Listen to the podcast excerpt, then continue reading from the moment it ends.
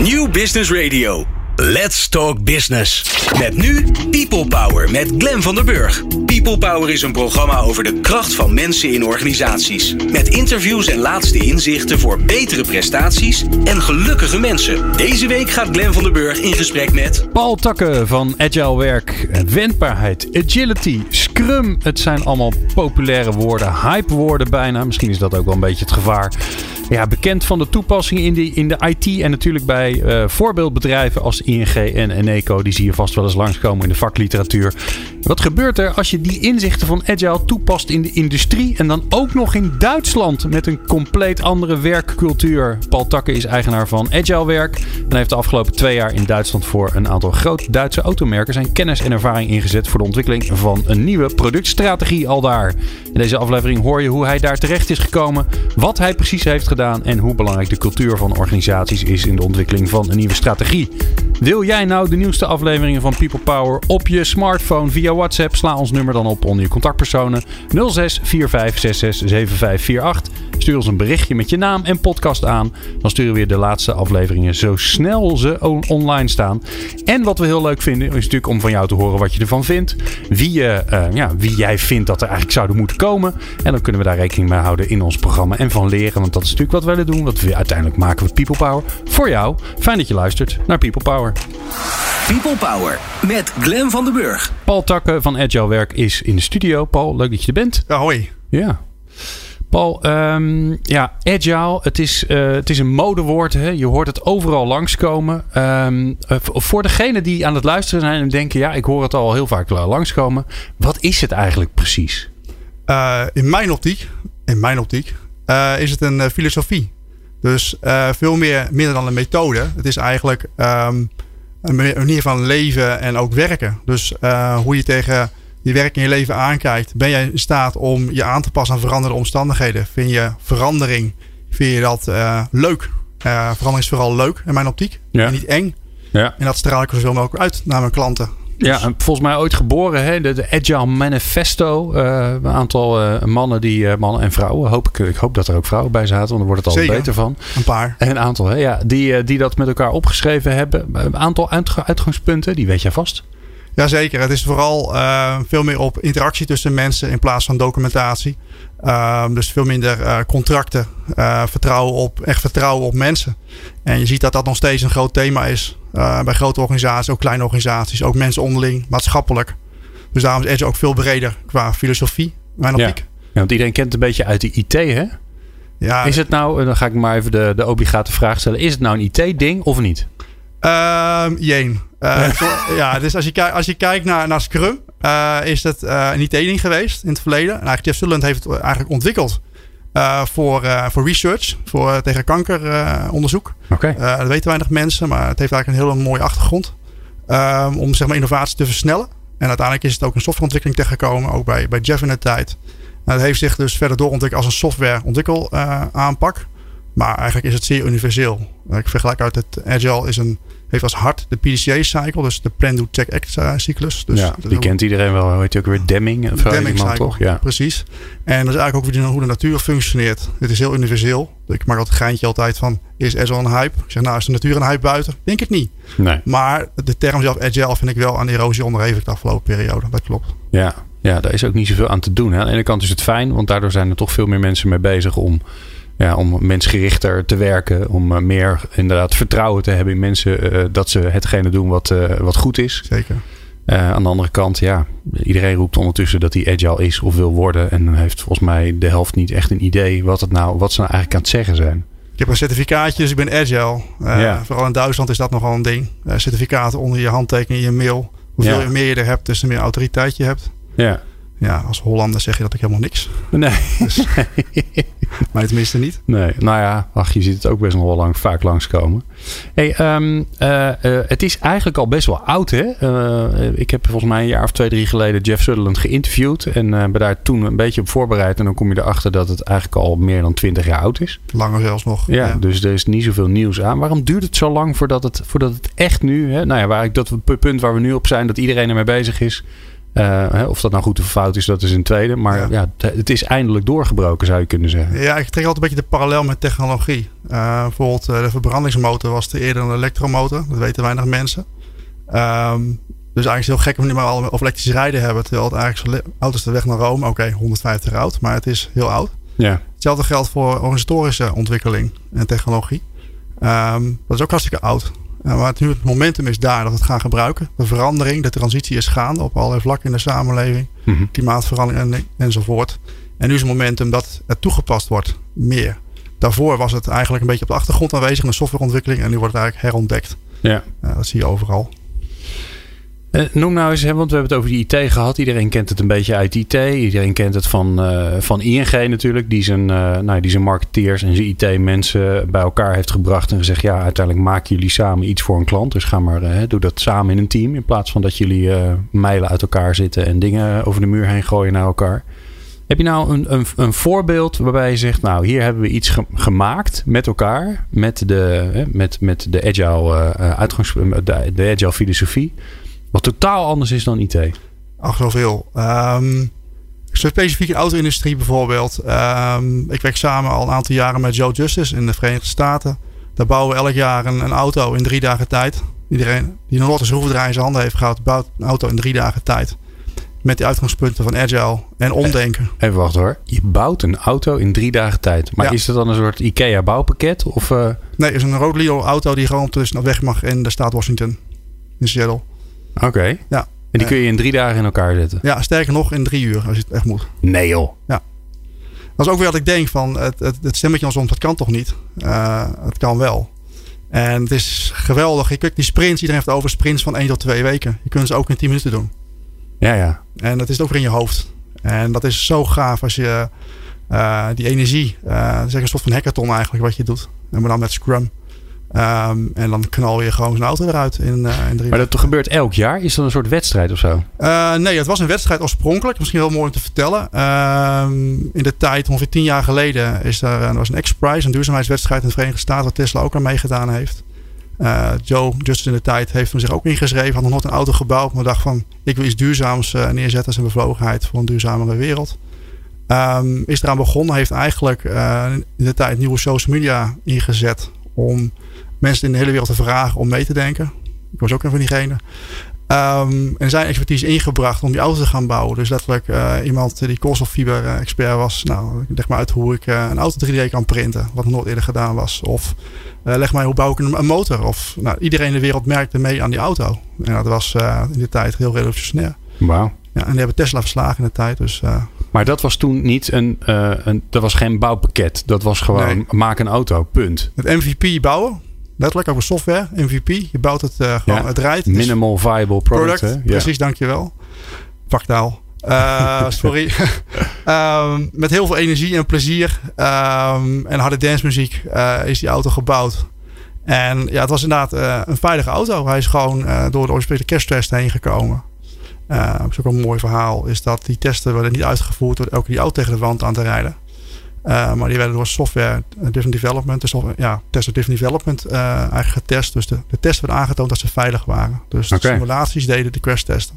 In plaats van andersom. Dat werd ook nog nooit gedaan in de auto-industrie. En nu wordt het heel breed ook uh, in de auto-industrie toegepast. Maar in de tijd was het nieuw. En om even perspectief te geven. Hoe, hoe lang zijn jullie daar toen mee bezig geweest? Met het ontwikkelen van die auto? Of is hij daarmee bezig geweest? Hij is daarmee bezig. Drie maanden is daarmee bezig geweest. Drie maanden. Ja. En hoe lang duurt het zeg maar, in de conventionele uh, industrie? Uh, van scratch af aan 15 jaar. 15 jaar? Ja. ja. Oké, okay, dus de auto's die wij nu uh, rond zien rijden, daar zijn ze 15 jaar geleden aan begonnen. nu doet het ongeveer 7 jaar in de huidige tijd. 6, wow, 7 jaar. Kijk. Maar nog steeds is dat natuurlijk gezien de uitdagingen die, die er liggen, is dat nog veel te lang. Ongelooflijk zeg. En, en, en, als je nou naar de implicaties gaat kijken. Hè, stel je voor dat de hele auto-industrie. We gaan straks natuurlijk veel verder erover praten wat je daar allemaal gedaan hebt. Maar stel je voor dat de hele auto-industrie veel meer deze snellere manier, leukere uh, manier van werken uh, zou gaan adopteren. Wat betekent dat dan? Ja, want dat is natuurlijk wel. Ja, dat het minder kost en zo. Ja, dat, dat punt zijn we natuurlijk maatschappelijk gezien een beetje voorbij. Ja, dat, op zich. Um, het ligt wel aan waar je toepast binnen de, de productie. De productie zelf zal nog steeds uh, vrij veel ja, recht toe recht aan zal maar heel simpel te vertalen zijn. Mm -hmm. Maar de innovatie zelf zal agile uh, moeten gebeuren. Dus veel meer met een creatieve mindset. Uh, nee, kan niet, dat bestaat niet, we gaan het oplossen. Ja. Ehm, en dan is het, ja, waar kun je het toepassen? En dat is uh, analyse voor nodig. Wel, waar in het productieproces kun je Azure toepassen en waar niet? Want Azure is niet een wondermiddel. Absoluut niet. Absoluut niet. Nee, waar moeten we het niet doen? In de productieprocessen zelf. Dus okay. je kan niet elke dag letterlijk je hele productieproces omgooien. Je kunt details veranderen. Maar je gaat niet uh, in één dag tijd je hele productieproces van een auto omgooien. Dat is natuurlijk waanzin. Als er een miljoen auto's per jaar van de band afrollen, ga je niet elke dag je nee. uh, aanpassen. Dus kun je dan zeggen, als je dingen herhaalt, en dat moet elke keer goed zijn en, en hetzelfde en hè, herhaalbaar kwaliteit, dan moet je het gewoon niet doen. Dan moet je het uh, zo min mogelijk toepassen. Dan is het vooral de mindset van medewerkers die dan met die bril naar kijken. Kan het anders, kan het beter, kan het slimmer. Dat is ook agile. Maar dan ga je niet echt methodisch, ga je heel diep in de processen ingrijpen. Nee, je gaat niet s ochtends een stand-up doen en zeggen: jongens, hoe gaan we vandaag eens die auto bouwen? Dat ga je dus niet. Uh, nee, maar wel het verbeterproces. Dus het, het lean, zeg maar, wat al langer of eigenlijk parallel bestaat aan een agile. Dat, ja. dat heel veel raakt met elkaar. Het diezelfde, hetzelfde PDC-hart eigenlijk. Ja. Uh, die kijkt daar wel naar in de productieprocessen. Ja. ja. Um, als jij nou kijkt naar die hele, die hele golf, hè, die hele hype die, die over ons heen komt uh, met Agile, waar, wat, wat gaat er mis? Uh, het wordt vooral als marketinginstrument ingezet in mijn optiek en niet als, uh, als echt een fundamentele verandering. Het is mij het oppervlakkig allemaal. Het is sneller halen, ja, snel thuis, groot halen, snel thuis. Ja. En dat is een agile transformatie absoluut niet. Dat is heel veel geduld hebben, heel veel tegenslagen. Maar wel die punt aan die horizon zien van daar gaan we heen. En dat is ons doel. Ja. En niet denken van oh, het project is voorbij. Wat je heel vaak ziet. Het agile transformatieproject is voorbij. We sturen alle coaches naar huis of alle consultants. En dan is, hebben we agile. Uh, dan kun je weer overnieuw beginnen. Oké, okay, dan zakt het weer in. Ja. ja. Want wat is er erg aan dat iedereen het snel wil? Wat gaat er mis? Um, dat, het, uh, dat mensen afhaken. Dus dat, ze het, uh, dat er geen tijd wordt gegund om mensen echt te laten begrijpen wat het is. Geef mij maar een methode. Vaak als ik een training geef. Dus van nou, vertel me mijn methode. Hoe moet ik het doen? Hm. Dan draai ik hem om en zeg ik nee. Je moet eerst begrijpen waar het over gaat. En pas dan starten we de training. En dan kijken ze me aan van ja, maar ik heb vandaag, ik moet die training hebben. Zo, nou, dan uh, neem je morgen maar weer vrij. Ja, ja, ja dus Ik, ik hoor je eigenlijk zeggen, het is, um, het is echt een fundamenteel andere manier van, van werken, van zijn van mensen. En daar hebben ze tijd voor nodig om, om daaraan ja, zich aan, te, aan aan te passen. Ja, en je hebt respect nodig voor waar de mensen op dat moment staan met hun, uh, hun, hun, hun, gedachten en hun, uh, hun leven. Je kunt iemand niet in één dag voor het andere wereld voorschotelen. Dat gaat gewoon niet. Nee. nee. En hoe dan wel? Stapje voor stapje en heel veel geduld hebben. En um, uh, ik gebruik veel persoonlijkheidstesten ook uh, in, mijn, uh, in mijn coaching en training. Van waar staat iemand nou in zijn eigen ontwikkeling? Is iemand heel erg procesgedreven? Is iemand heel erg nog steeds vanuit de hiërarchie gedreven? Mm -hmm. Dan kan ik wel zeggen tegen iemand van... Nou, je moet nu zelfsturing gaan toepassen. En dan kijkt hij me aan zo van... Ja, ben je helemaal gek geworden? Nee, dat kun je niet doen. Dus je moet stapje voor stapje moet je in de taal van degene die je voor je hebt, moet je, moet je iemand meenemen in de, in de nieuwe wereld. Ja. Dat is, dit, is dat jaren en jaren, misschien al generaties werk. Ja, ja. Ik, heb, um, ik ben een fan van het boek De Kunst van Veranderen van uh, Marco de Witte en Jan Jonker. En die, ja. uh, die zeggen, nou, een van de dingen, die zeggen heel veel, maar een van de dingen die zij zeggen is. Uh, afhankelijk van de diepte van de verandering wordt het complexer. En, en, en, ze hebben dan die, die vier trappen. Hè. Dus verander je iets in de, in de structuur, verander je iets in de technologie of de, de middelen die mensen gebruiken. Verander je iets in de mensen, moeten ze de andere dingen kunnen, of verander je iets in de cultuur. En jij zegt eigenlijk, ja, de meeste blijven een beetje bovenaan hangen en dan gebeurt het niet echt. Exact, je vliegt eroverheen. Ja. En dan de opmaat volgende. Ja. En dat is niet wat het is. Ja. Nee. Ja, en dan besmet je het misschien zelfs een beetje. Ja, ik vind het ook zelf, eerlijk gezegd, vind ik het, uh, vind ik het heel jammer. Ik kom wel eens in organisaties waar eerder uh, ja, ook eens al geprobeerd is. En dan ben je eerst aan het repareren voordat je weer opnieuw kunt beginnen. Vaak ja. is dan het geloof al weg. Ja. En dat is heel jammer. Ja. Nou, hoe uh, jij daarmee aan de slag bent gegaan in uh, niet alleen in de auto-industrie, wat natuurlijk al een totaal andere wereld is dan, uh, dan de yes. meeste voorbeelden die we kennen, maar zelfs in Duitsland, waar toch ja, mensen met herdokter aangesproken willen worden, daar zijn we natuurlijk heel benieuwd naar. Dat hoor je zo. People Power met Glen van den Burg.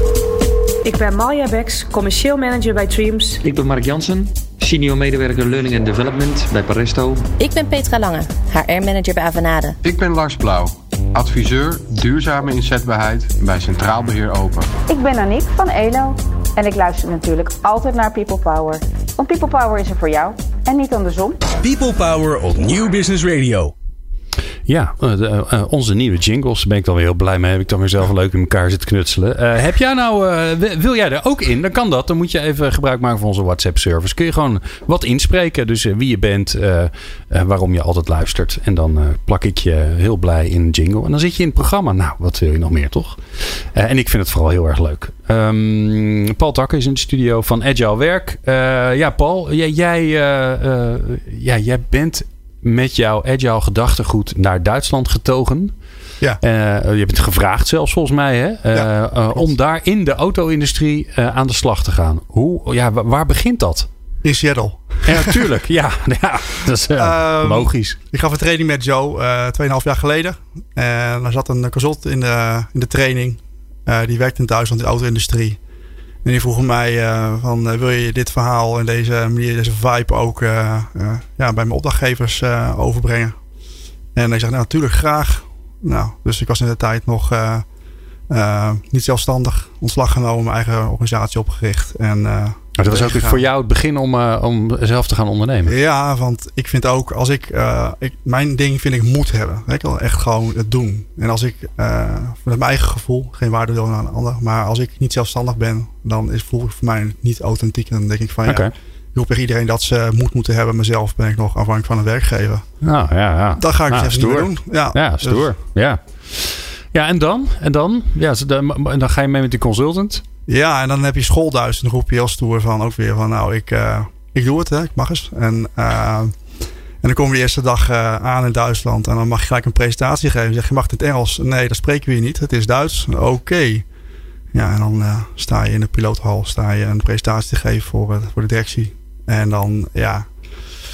Dan eerst denk je van, wacht even. Ik ga gewoon mijn, Nederlandse brani gewoon erin gooien. En ik spreek je nou met zijn voornaam. Geen dokter, her, maar gewoon...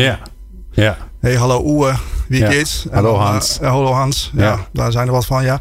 En, um, en wat heel mooi is, dan uh, breekt er gelijk het ijs. En, uh, maar kunnen ze dat wel, dat, dat, dat gaat dan goed, hè? Want ja. dat is ook een cultuurding natuurlijk. Ja, en dat, wat, wat interessant is, is dat je, omdat je zo authentiek overkomt. En ik ben ook oprecht, ik maak, ik schoffeer iemand niet, ik ben zoals ik ben. En dat wil ik ook. Ik ben met respect, maar ik ben zoals ik ben. Ik ga me niet vervormen naar wie ik niet ben. Zodra ik dat moet doen, ga ik heel krampachtig zitten en dan gaat het gewoon niet werken. Ja. En um, op het moment dat je dat doet en je dat met, met een Rudy Karel of een, uh, of een Louis van Gaal accent, dan vinden ze dat helemaal geweldig. Want ja, het klinkt, het klinkt zo netje, zo lief zeggen ze dan altijd. Niet zo ja, zuur. En dan denk ik, oké, okay, maar klinkt helemaal niet heel zuur. Helemaal niet zuur wat ik ja. zeg. Maar ze vinden het, uh, dat, dat resoneert heel erg mooi. Ja. Ik heb overwogen bij Non en Vug perfect Duits te gaan leren. Maar ze hebben allemaal, nee, nee, mag dat niet, Pauli.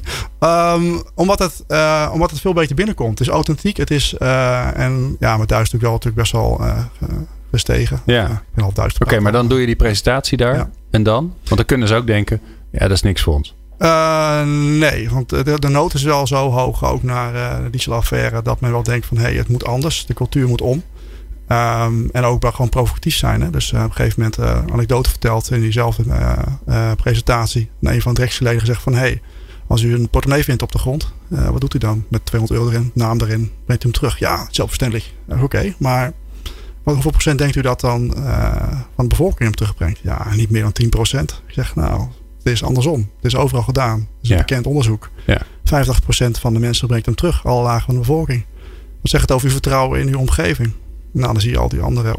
Ja, ze is allemaal rood worden. Van ja, die denken, oh, hij gaat tegen onze directeur in. En kan dit naar huis. Ja. Nee, dat is dus niet het geval. uh, dat ik mag blijven. Want hij was blij dat hij eindelijk eens een keer uh, uh, het gewoon eens een keer benoemde. En dat is wel ja. de beleefdheid is heel mooi in Duitsland, vind ik nog steeds. We zijn af en toe in Nederland wel een beetje doorgeslagen in het, uh, in het zeg maar, onbeleefdheid. Maar dat creëert een afstand. En dan heb je qua communicatie heb je geen verbinding. En dan gebeuren er hele vervelende dingen, hebben we ervaren ja. in Duitsland. Ja. ja. En krijg je, dan, krijg je dan van die directeur die zegt dan tegen je: Paul, ik heb je nodig, hier is je opdracht. Wat, wat ga je dan doen? Nou, ik heb gewoon uh, bij stof van guerrilla-tactiek gehanteerd. Uh, mijn vorige transformatie ook al een beetje gedaan. Uh, ik coach coaches.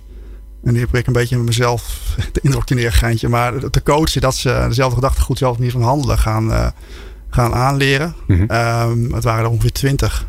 En die zijn nu uh, in het concern zijn die, uh, verspreid. En die hebben dan, uh, ja, die verspreiden mijn, ja, mijn, het, het, het gedachtegoed van mijn optiek, zoals het hoort. Oké. Ja, en, dat, en dan vervolgens ook met veel workshops, ook met, met directie. design thinking workshops enzovoort. Zorgen dat ze gaan voelen wat het is. Dat is ook verband gebracht met Nederlandse grotere bedrijven.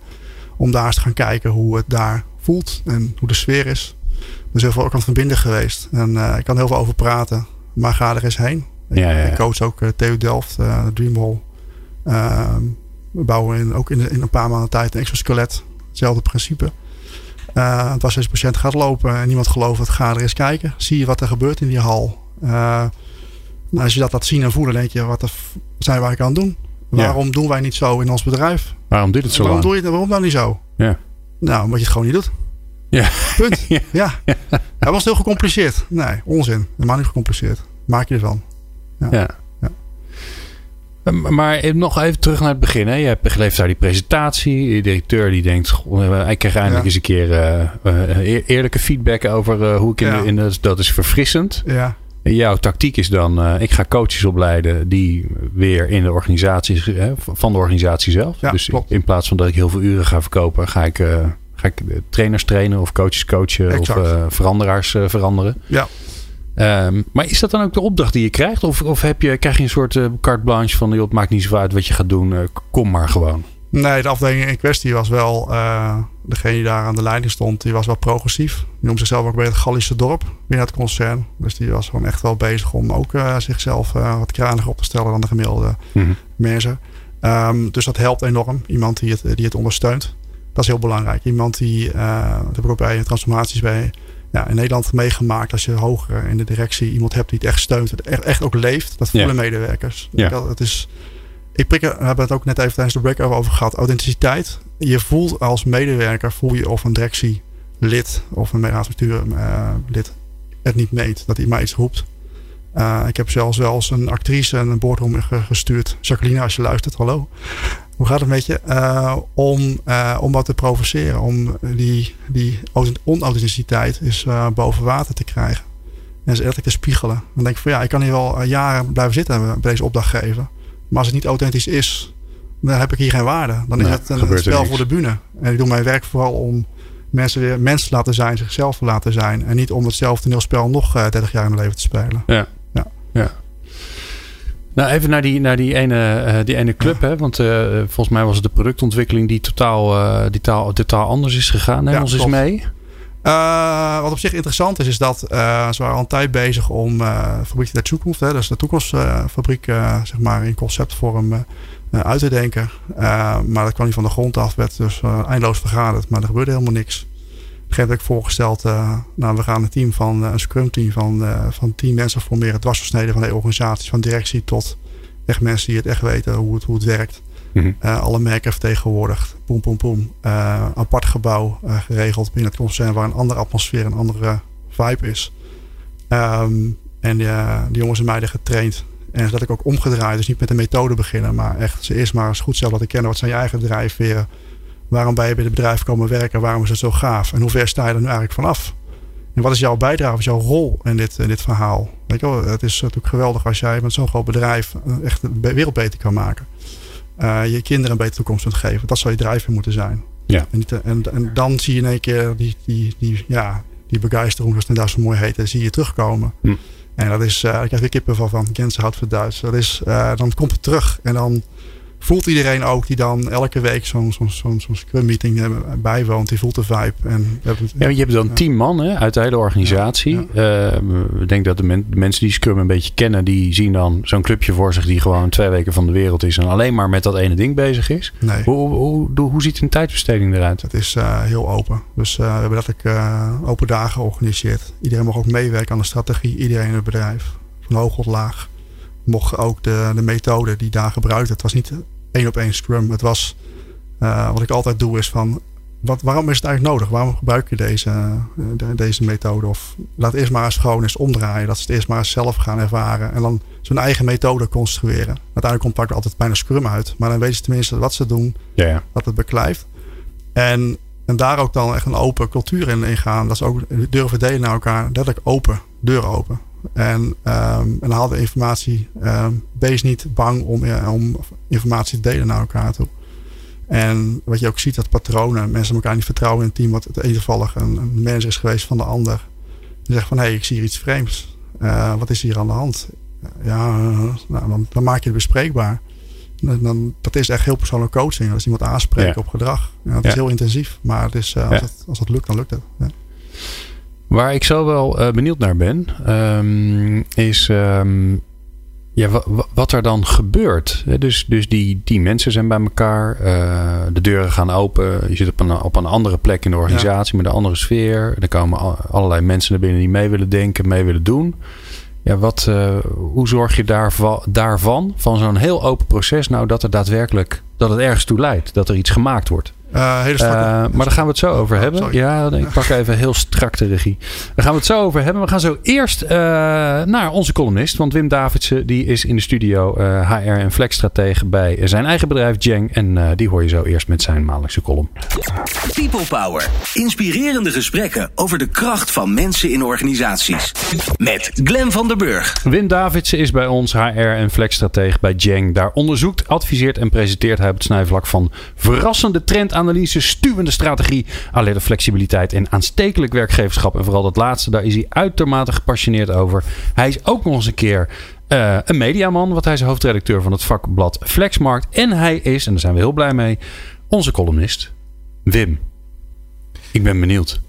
Dit jaar, 2019, zullen, zullen allerlei bedrijven weer een recordjaar boeken. Met weer meer omzet, weer meer klanten en meer winst en weer meer medewerkers. In vaste dienst natuurlijk, want de krapte op de arbeidsmarkt is nijpend, gigantisch nijpend. Liefst 24% van de werkgevers heeft een belemmerend gebrek aan arbeidskrachten.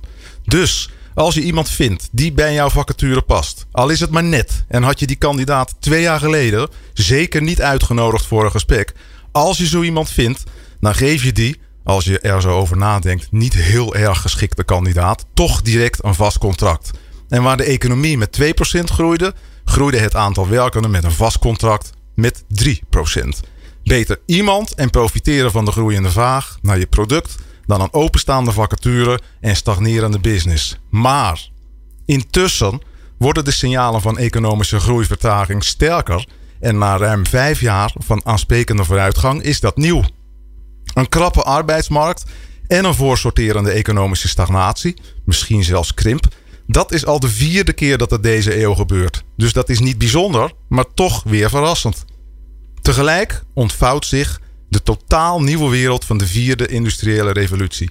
Die vierde industriële revolutie stuurt allerlei ontwrichtende golven op ons af. Deze bijvoorbeeld. Op dit moment zitten er nog vier Europese landen in de mondiale top 10 van economieën. Op de nummers 4, 5 en 6 zijn dat Duitsland, het Verenigd Koninkrijk en Frankrijk. En op nummer 8 Italië. Verderop in de mondiale top 20 vinden we ook nog Spanje en het kleine Nederland en het nog kleinere Zwitserland. Standard Chartered, een bankengroep met het hoofdkantoor in Engeland, maar vooral actief in het Verre Oosten en Afrika, presenteerde kort geleden een spannend rapport. Daarin voorspelt het dat de mondiale top 10 economieën van 2030 dat die er heel anders uitziet. Dus de grootste economieën over meer dan 10 jaar. Iets meer dan 10 jaar. Niet verrassend, maar toch totaal onthutsend. Want dit zijn ze: China, India, de VS, Indonesië, Turkije, Brazilië, Egypte, Rusland, Japan en nog net op de tiende plaats Duitsland. De twee motoren achter deze economische disruptie, bevolkingsgroei en productiviteitsgroei. Drie keer raden hoe dat met die twee motoren in Europa gaat. Tot 2025 krimpt, jazeker, de potentiële Europese beroepsbevolking met 3%. En de stagnatie van onze productiviteit houdt ons al sinds het begin van deze eeuw in haar greep. Werkgevers hebben te dealen met die bevolkingskrimp en zijn minimaal gedeeltelijk verantwoordelijk voor die productiviteitsstagnatie. De hoogste tijd dus om te werken aan een scherpe, eerlijke analyse. Een nieuwe, aanstekelijke, gedeelde visie. En aan onmisbare oplossingen. Gebaseerd op openheid en creatief out-of-the-box denken, empathie, inclusiviteit, ambitie en lef. Van werkgevers. En ook van overheden, vakbonden, opleiders, politieke partijen, de bevolking. Waar gaan we nou voor in Europa? Wat moeten we daarvoor gaan doen? En wat moeten we laten? Er is meer nodig, veel meer dan een energietransitie, een immigratiebeleid, het rechttrekken van ongelijkheid, aangepaste arbeidswetgeving, We hebben behoefte voor alles aan aanstekelijk werkgeverschap. Met energieke werkers als resultaat. Hoe dan kunnen werkgevers bijdragen aan dat nieuwe Europa, Europa 4.0?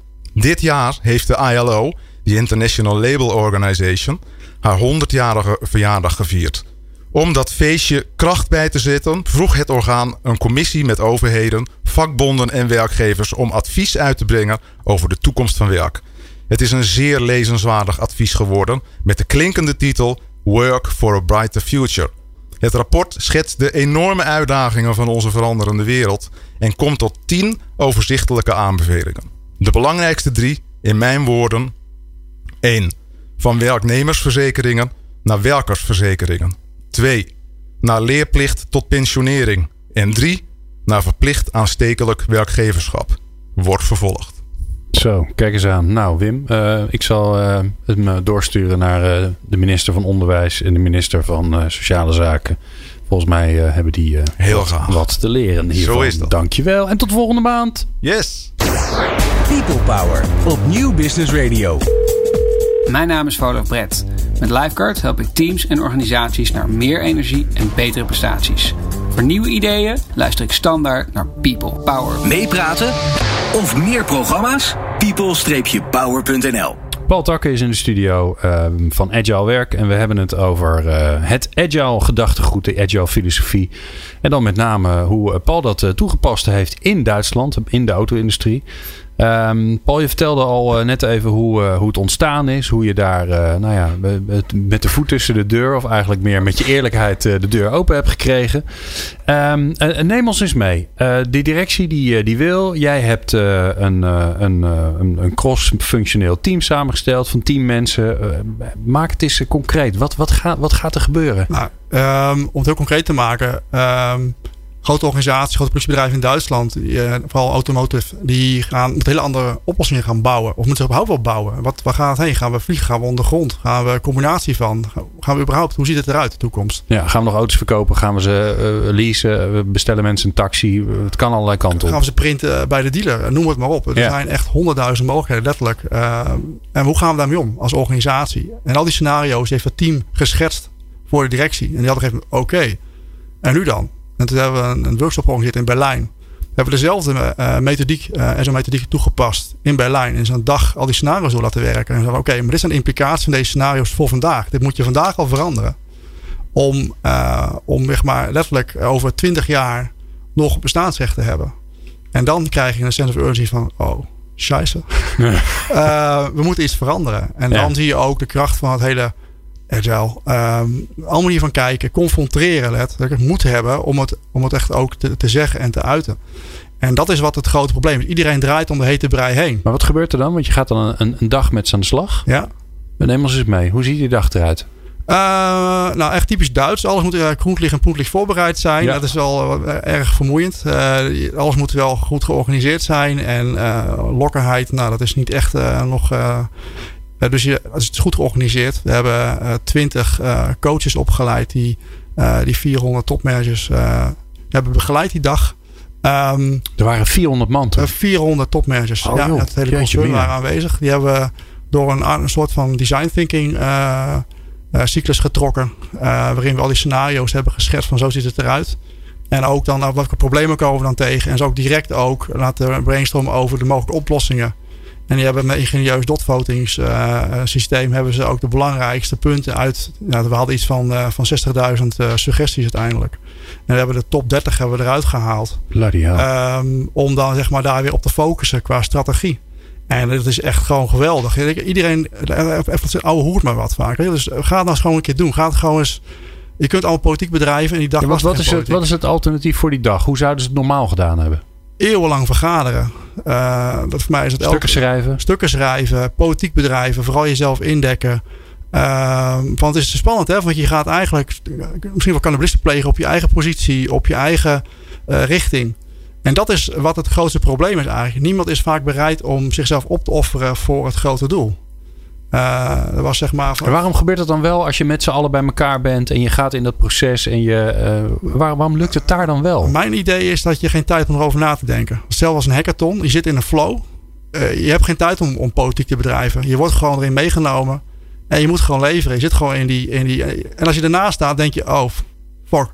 Ik sta er nu naast. Ik moet nu mijn input leveren, want anders ben ik te laat. Ja, dus ja. Het, is, het is letterlijk een, een, een, een, een ti- time pressure, een pressure cooker waar je, waar je mensen induwt. En eh, het is enorm veel energie. Eh, iedereen is echt kapot na afloop, maar ontzettend voldaan met het eindresultaat. Ja. En, en, wat, en wat is dan het eindresultaat? Eh, dat daarvan zeg maar een aantal concrete punten naar de strategie, productiestrategie is gegaan van het concern.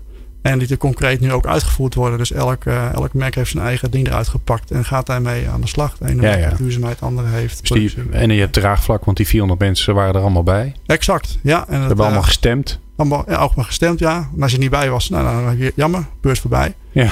Ehm, en dat is, eh, ja, dat nog steeds, het is, het is helemaal cool. hoe het is een heel goed succes geweest. Ja. Ja, en dat klinkt heel goed. En dan denk ik eh, gelijk ook, hoe, en hoe zorg je er dan voor dat datgene wat er uiteindelijk uitkomt, dat dat, ehm, dat dat ook de waarde heeft en dat mensen inderdaad komen. Hè? Want dan heb je toch ook dat ouderwetse hiërarchische sy- systeem nodig om te zeggen, ja, maar zo gaan we het dus wel doen. Nou, de grootste valkuil is mijn optiek dat oud gedrag weer de koppel steekt. Dus dat er weer klassiek gereorganiseerd gaat worden.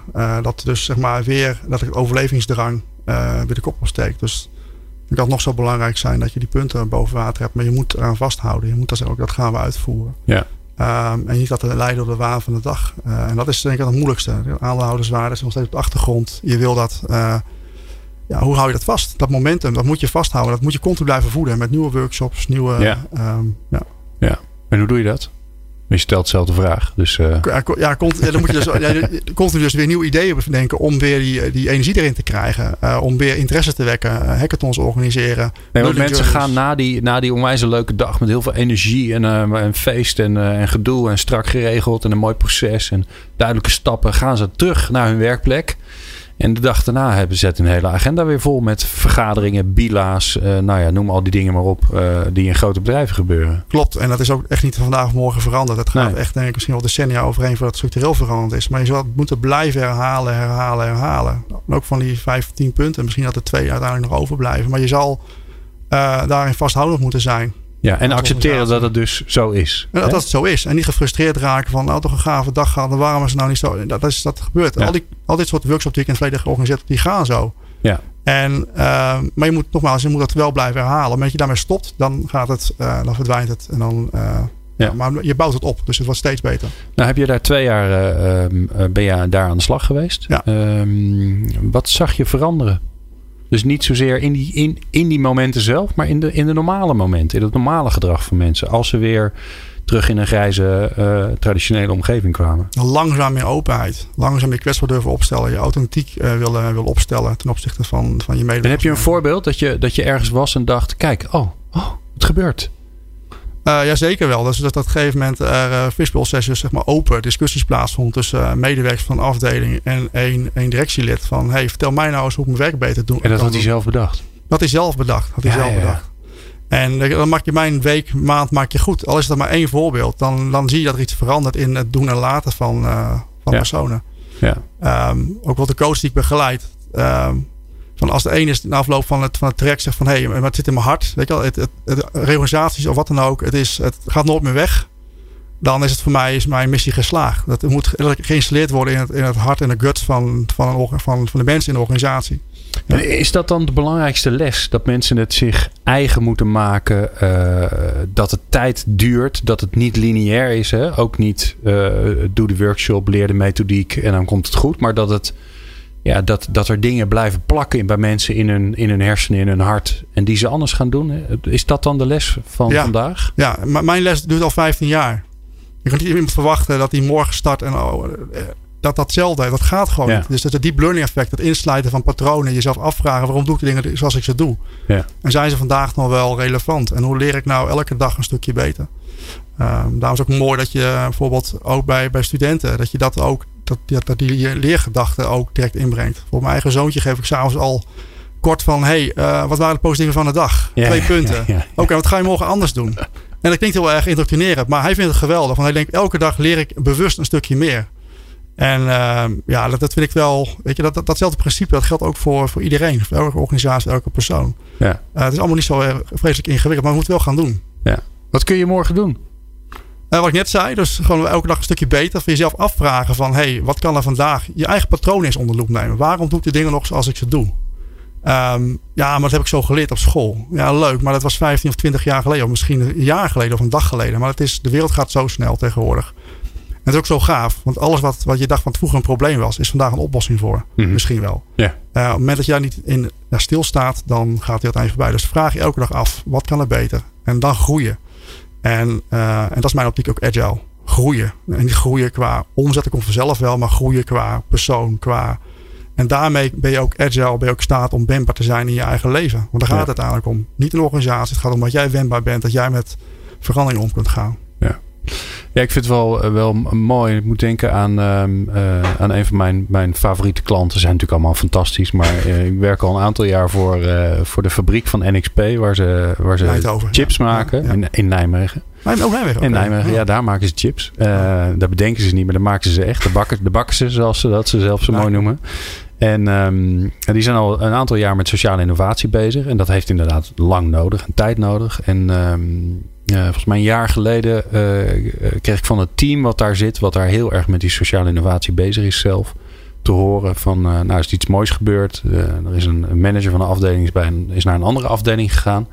En we waren aan het nadenken over vacatures stellen en weet ik veel wat. En toen kwam het team zelf, die zei, nou wij vinden eigenlijk dat deze collega, die moet eigenlijk ons baas worden. En die collega zelf vond dat een slecht plan, want het was namelijk de jongste van het stel. En die had er zelf nog nooit over nagedacht. En dat was voor mij zo'n moment dat ik dacht, ja, zie je nou, weet je, al die, al die dingetjes die je dan met elkaar doet, die leiden dan tot zoiets wat je helemaal niet kan voorspellen. Mooi voorbeeld. En dat vind ik zo'n, uh, nou, dat vind ik wel de uitdaging en ook wel het ingewikkelde van, nou ja, van het werk wat jij hebt en wat ik ook een beetje heb, is om, uh, uh, je weet niet wat er gaat gebeuren. Nee. Het enige wat je voor kan zorgen is dat zo'n interventie, zo'n workshop, zo'n dag, dat die, dat die impactrijk is. En dat er een gedeelte van de mensen een keer op een moment ineens iets anders gaan doen dan dat ze gewend waren. Maar dat is niet. Uh, hè, ook, ook wat jij aangeeft met die strategie. Ja, er komen 30 punten uit. Ja, als het drie, als het drie door, uh, uiteindelijk uh, beklijven, dan is het prima. Klopt. Maar al die andere dingen die er gebeuren, dat, ja, dat weet je niet. Nee, dat, dat op zich is dat prima. Als, als die, die reis die, waar je naartoe gaat, dat, dat, dat de reis die je voor ogen hebt, van dat is de punt aan de horizon, waar daar krijgen wij energie van. Je hebt ook denk ik een beetje dezelfde drive als ik dat heb, is van organisatie mensen een betere wereld kunnen voorschoten waar ze heen kunnen ontwikkelen. En op het moment dat je dat voor ogen houdt, dan gebeurt het ook echt. Uh, en dan, al die andere dingen zijn hobbels die dan uh, plaatsvinden. Maar ja. dat, dat is gewoon de overtuiging die je moet hebben. Ja. Mooi. Uh, Paul, dankjewel. Uh, leuk dat je hier was. Paul Takker van Agile Werk. Uh, ja, veel succes, want je bent weer terug in Nederland. Hè? Je, gaat, ja. je gaat hier mensen helpen. dus mocht je denken, goh, Paul kan me vast wel helpen. Dan google je even op Paul Takker en Agile Werk. Dan komt het vast wel goed. Heel goed, ja. Um, dus dankjewel. Wim had ik al bedankt, dus dat komt mooi uit. In de volgende aflevering van People Power is het weer tijd voor een aflevering van People Power Change. Waarin Jeroen Buscher in gesprek gaat met Dick Veluwkamp. En hij is lid van de raad van bestuur van Arkin. Als je nou denkt, daar heb ik nog nooit van gehoord. Dan heb je vast wel eens gehoord van de Jellinek. En dat is een van de elf organisaties die daaronder vallen. Dus uh, ja, de vraag is, uh, hoe pakken ze daar verandering aan? En dat hoor je straks in de volgende aflevering.